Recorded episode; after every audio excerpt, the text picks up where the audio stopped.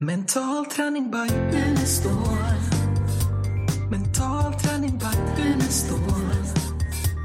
Mental träning by Unestål. Hej och välkommen till podden Mental träning by Unestål.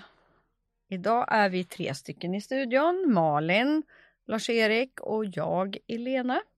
Alla tillsammans, igen. Ja, det är lite olika har det varit sista tiden. Chop soy. Ja, Ja!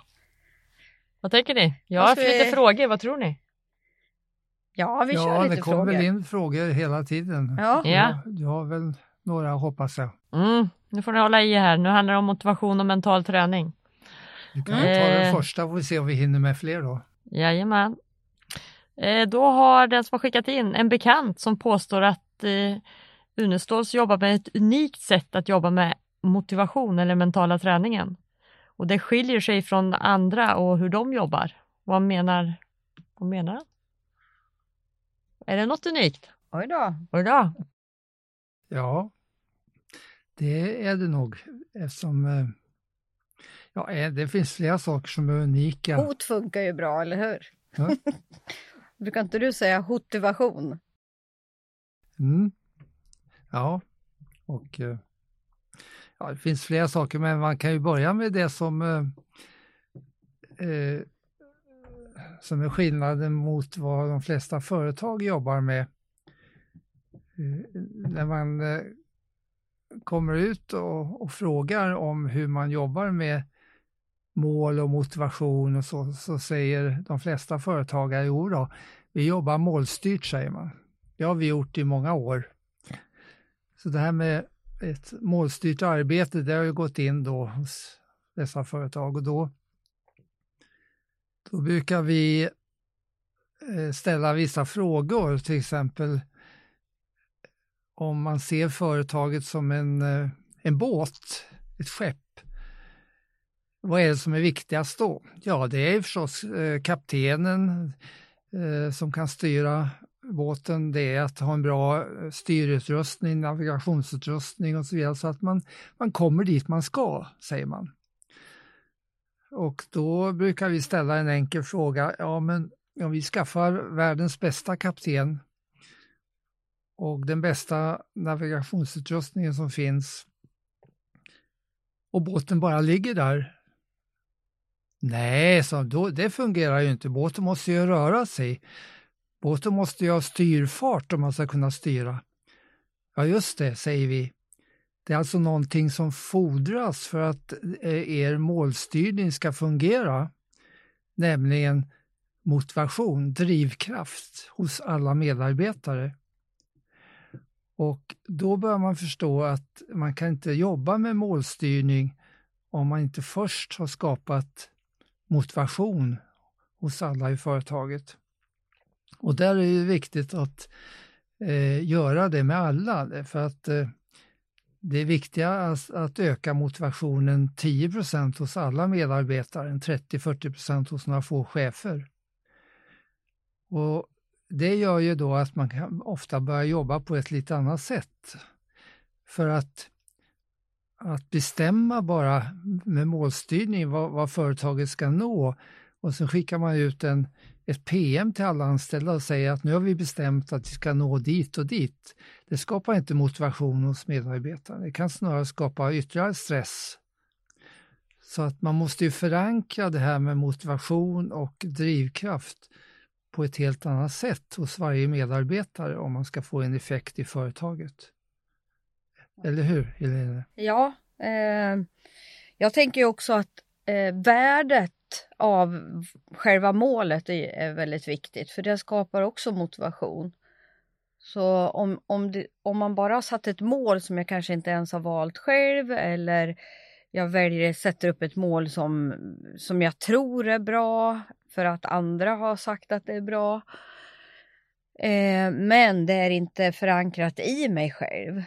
Eh, då går ju motivationen kraftigt ner eller kanske inte ens finns överhuvudtaget. Och så håller man på och sliter för att nå det målet. Kanske till och med tränar mental träning. Men målet är egentligen inte mitt. Nej. Då kommer det, det omedvetna eller mitt inre och motarbeta så att jag inte når det här målet helt enkelt. Och i det läget är det inte fel att kanske byta jobb och hit, för Nej. att hitta det som, är, som man hittar sitt varför. Tänker jag. Ja, Nej, det som eh, ni tar upp det är ju jätteviktigt och, eh, eh det, och det förstår ju också företagen när man tar upp eh, och berättar om det.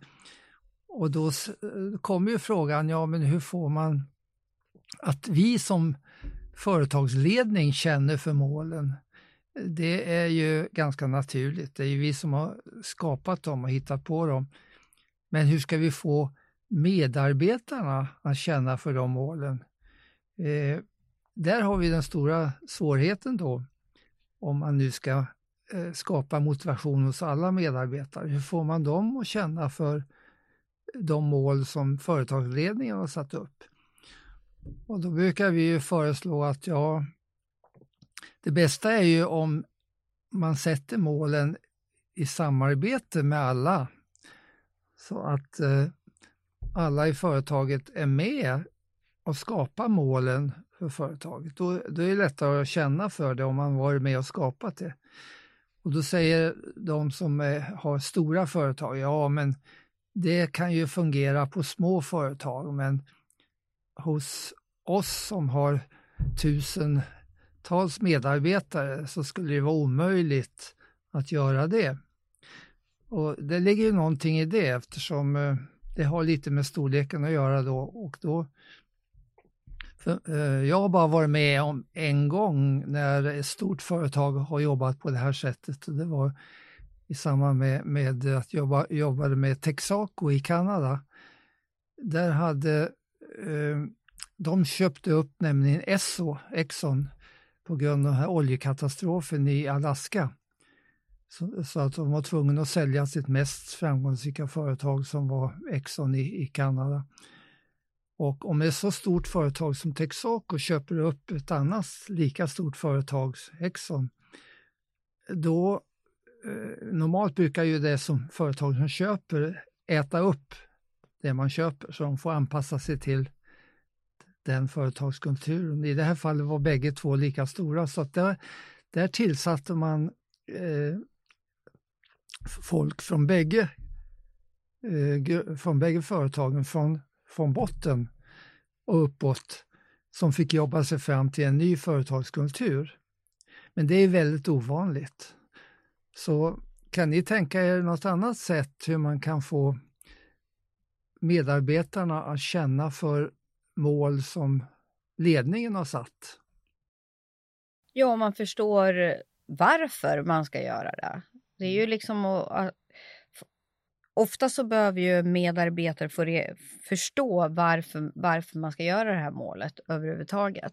De flesta gånger så, så är det ju många som inte förstår varför man ska göra det. Så Mm. man behöver ju lägga ner tid på det, Mm. eh, tänker jag. Ja, Mm. både begripa och kunna hantera Mm. för att det ska bli meningsfullt så man känner liksom att man kan göra rätt jobb. Precis. Där är ni inne på något eh, väldigt viktigt.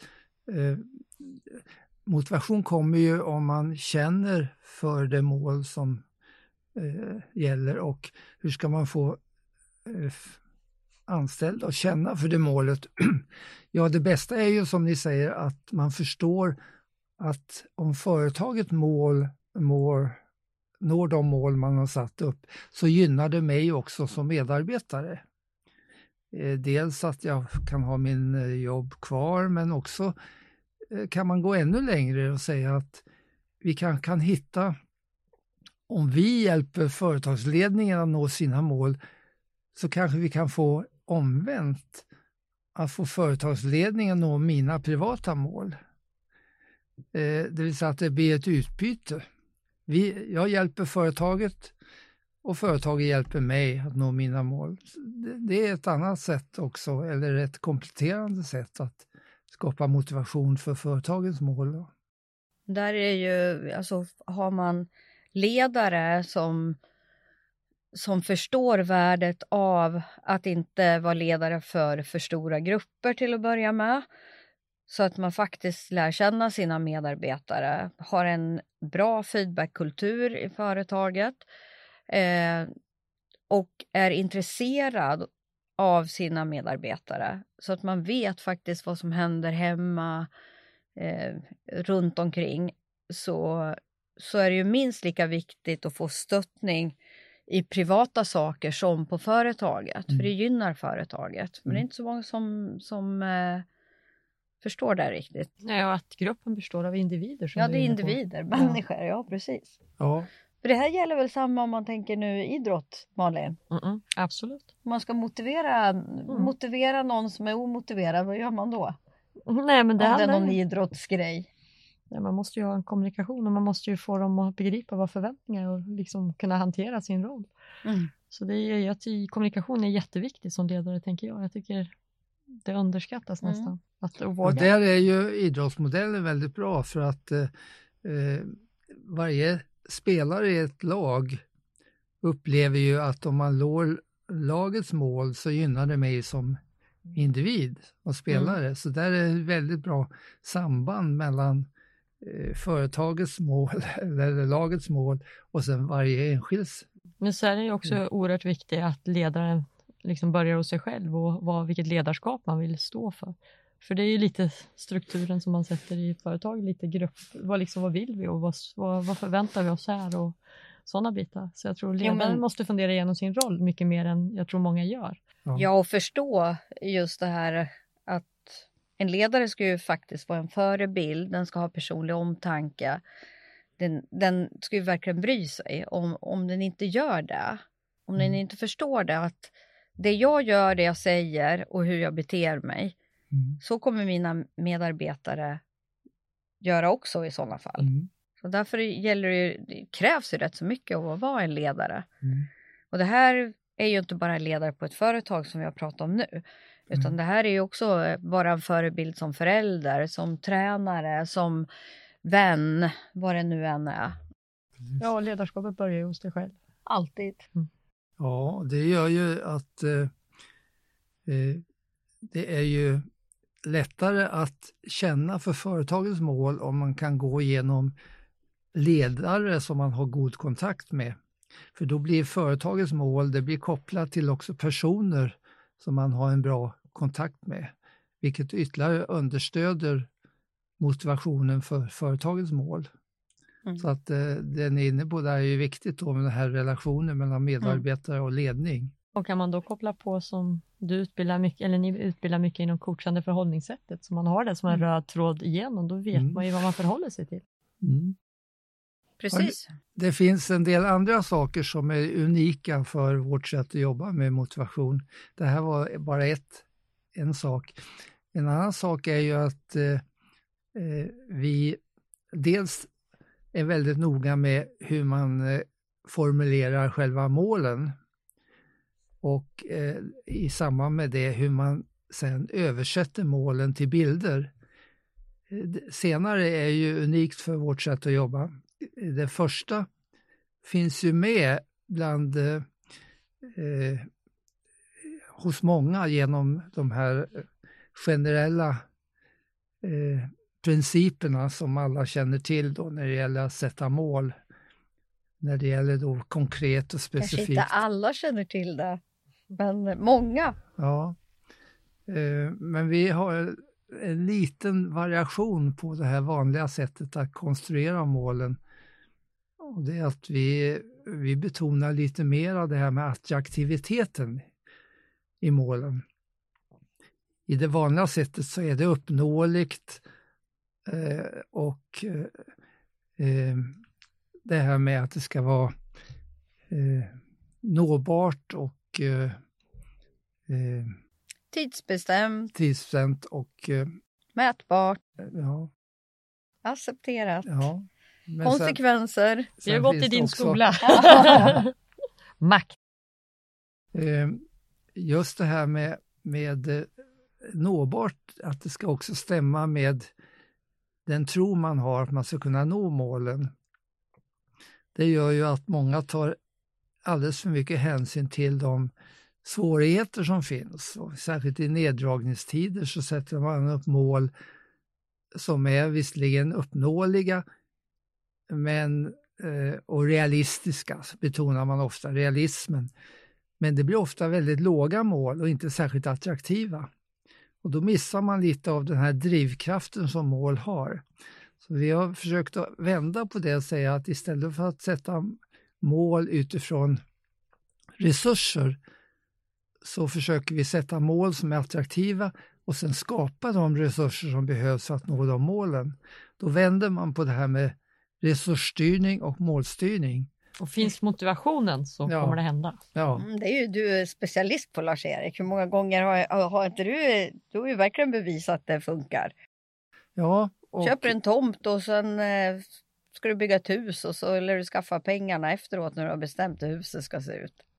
ja precis. Eh, Och det, har ju var faktiskt funkat.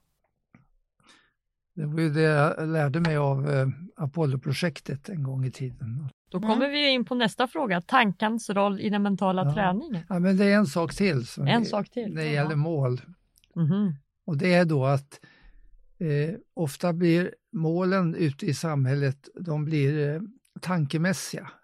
De blir eh, logiska utifrån den här strukturen när man sätter mål. Men vi går vidare och översätter dem till situationsförankrade bilder. Och när du säger bilder så menar du upplevelser, Ja. eller hur? Ja, att man upplever situationer där man har nått målen. Eh, och det är ju själva idrottsmodellen som vi också jobbar med. Alltså, idrottsmän får uppleva det de ska göra i matcher Gärna med alla innan, sinnen. innan Och med man alla går ut. sinnen, så Ja. många sinnen som möjligt Ja. så Ja, blir det precis. riktigt starkt. Ja. Så att eh, efter att man har gjort den här intellektuella målsättningen så får man då koppla av, sluta ögonen, gå ner till sitt mentala rum och sen får man se sig själv i den situationen där man har nått målet. Då skapar det en, det vi kallar för målprogrammering, det skapar krafter som för mig mot målet som är mera än de här vanliga krafterna som man själv åstadkommer genom att man gör upp en handlingsplan för att nå målen. Det blir komplement till den vanliga handlingsplanen som är fantastisk och vi har så många exempel på det under 50 års tid nu att, att det vore synd att inte använda sig av den kraften som kommer när man går från målsättning till målprogrammering. Så det är väl en av de viktigaste skillnaderna i vårt sätt att jobba. Där är det så här, vissa blir så här och tycker då att det är lite utmanande. Hur, är, hur ska jag kunna se de här bilderna? Eller känna en upplevelse att jag, att jag, att jag känner att jag når det målet. Eh, där kan man ju underlätta genom att man tänker på, ja men jag dagdrömmer hur jag vill min framtid ska vara. Mm. Och säger man dagdrömmer då, då blir det helt plötsligt lite enklare. Ja. Att jag får drömma mig iväg. Ja. Och är man då i det här avslappnade tillståndet så, blir, så är ju det mental träning. Mm. ja. Så att det är ett sätt att också lära sig det här mentala rummet och avkopplingen. precis, underlätta lite grann. Mm. Mm. Sen finns det en sak till som du eh, jobbar med som har med mål och det är att börja målsättningen lite högre upp med visionen. Mm. Och den, det betonar vi väldigt mycket att innan man börjar med målsättningar så ska man jobba fram visionen. Det tror jag många tycker är rätt avslappnande. Det blir så mycket mål Mm. hela tiden att det är Mm. Skönt. den blir ju också baserad mer på en härlig känsla. Mm, och då kan man Mm. hitta in i målet utifrån det. Vi jobbar ju bägge två mycket med visioner och eh, eh, du ska få berätta hur du jobbar med den. Jag vill bara säga att för mig har det varit viktigt med tre saker när man jobbar med visionen. Dels att, att den ska visa riktningen. Den behöver inte vara konkret för det är ju målen, det bryter man ner till mål sen, utan det ska visa vilken riktning ska jag gå. Det ska ge mig, det ska kunna vara hela livet eh, om man hittat en bra vision, finnas med mig den ska vara en, en länk mellan projektmålen, för annars blir det eh, att luften går ut när man når en projektmål och ska börja om med nästa projekt. Visionen håller projekten samman som pärlor på ett halsband så att man kan gå vidare till nästa projekt när man har nått ett projekt på vägen mot visionen. Och det sista som är minst kanske viktigast, att det ska ge mig energi, motivation varje dag och inte minst meningsfullhet. Det sista är något av det viktigaste med en vision, att det ska ge mening i det jag gör i livet. Du jobbar ju mycket med det också. Alltså ja, jag gör likadant kan man väl säga. Mm. Sen är det ju just det hur ska man göra för att få fram visionen? Där har jag ju gjort den. Där har jag ju en, eh, en eh, process som tar med frågor och grejer. Man får fundera långt tillbaks till hur man var när man var liten och vad som har försvunnit efter vägen och lite sånt där. Den, tar, den där processen tar ungefär ett par timmar att göra. Mm. Men den, det är många som gill, liksom får lite hjälp på traven för annars ska du liksom ska du bara sätta dig och tänka, åh vad är Mm. min vision liksom. Och Utan- där, där är du ju inne på någonting jätteviktigt, för visioner för de flesta det är kopplat till företag. Mm. Eh, Och eh, medan vi jobbar mycket med personliga visioner. Att Precis. varje människa bör ha en, en vision som ligger bakom Mm. de mål man sätter upp i livet. Eh, Så det är också en skillnad att vi bryter ner visionen till varje människa. Precis. Sen ska ju den genomsyra allt man gör också. Och det, det finns så stora brister i företag. Man kommer att fråga vad, är vad har ni för vision? Så är det en del som inte ens vet om det. Och särskilt bland medarbetare kan det vara många som inte ens vet om vad man har för vision. Och där får man jobba mycket, precis som IKEA, att byta ner, låta visionen genomsyra allt det man gör. Det är det som är meningen med visionen. Nu är det så att nu har tiden sprungit iväg igen. Jaha. Bara i de andra frågorna till nästa gång. Ja, det får vi göra. Ja, precis. Jaha. Då tackar vi för att ni har lyssnat och är det någon som har frågor Malin? Vad har vi då? Ja, då är det ju info.unestal.se. Exakt så var så det. bra idag med. Japp. Då önskar vi er en trevlig eh, påsk. Eller en glad kanske. Ja, glad och, Och trevlig, trevlig. och positiv Ja. och eh, härlig påskvecka kan man väl säga. Sa hon som ska åka till Thailand. Eller hur? Trevlig resa! Hej hej! Hej hej! Ja, hej då. Mental träning by Unestål. Mental träning by Unestål. Mental träning by Unestål. Mental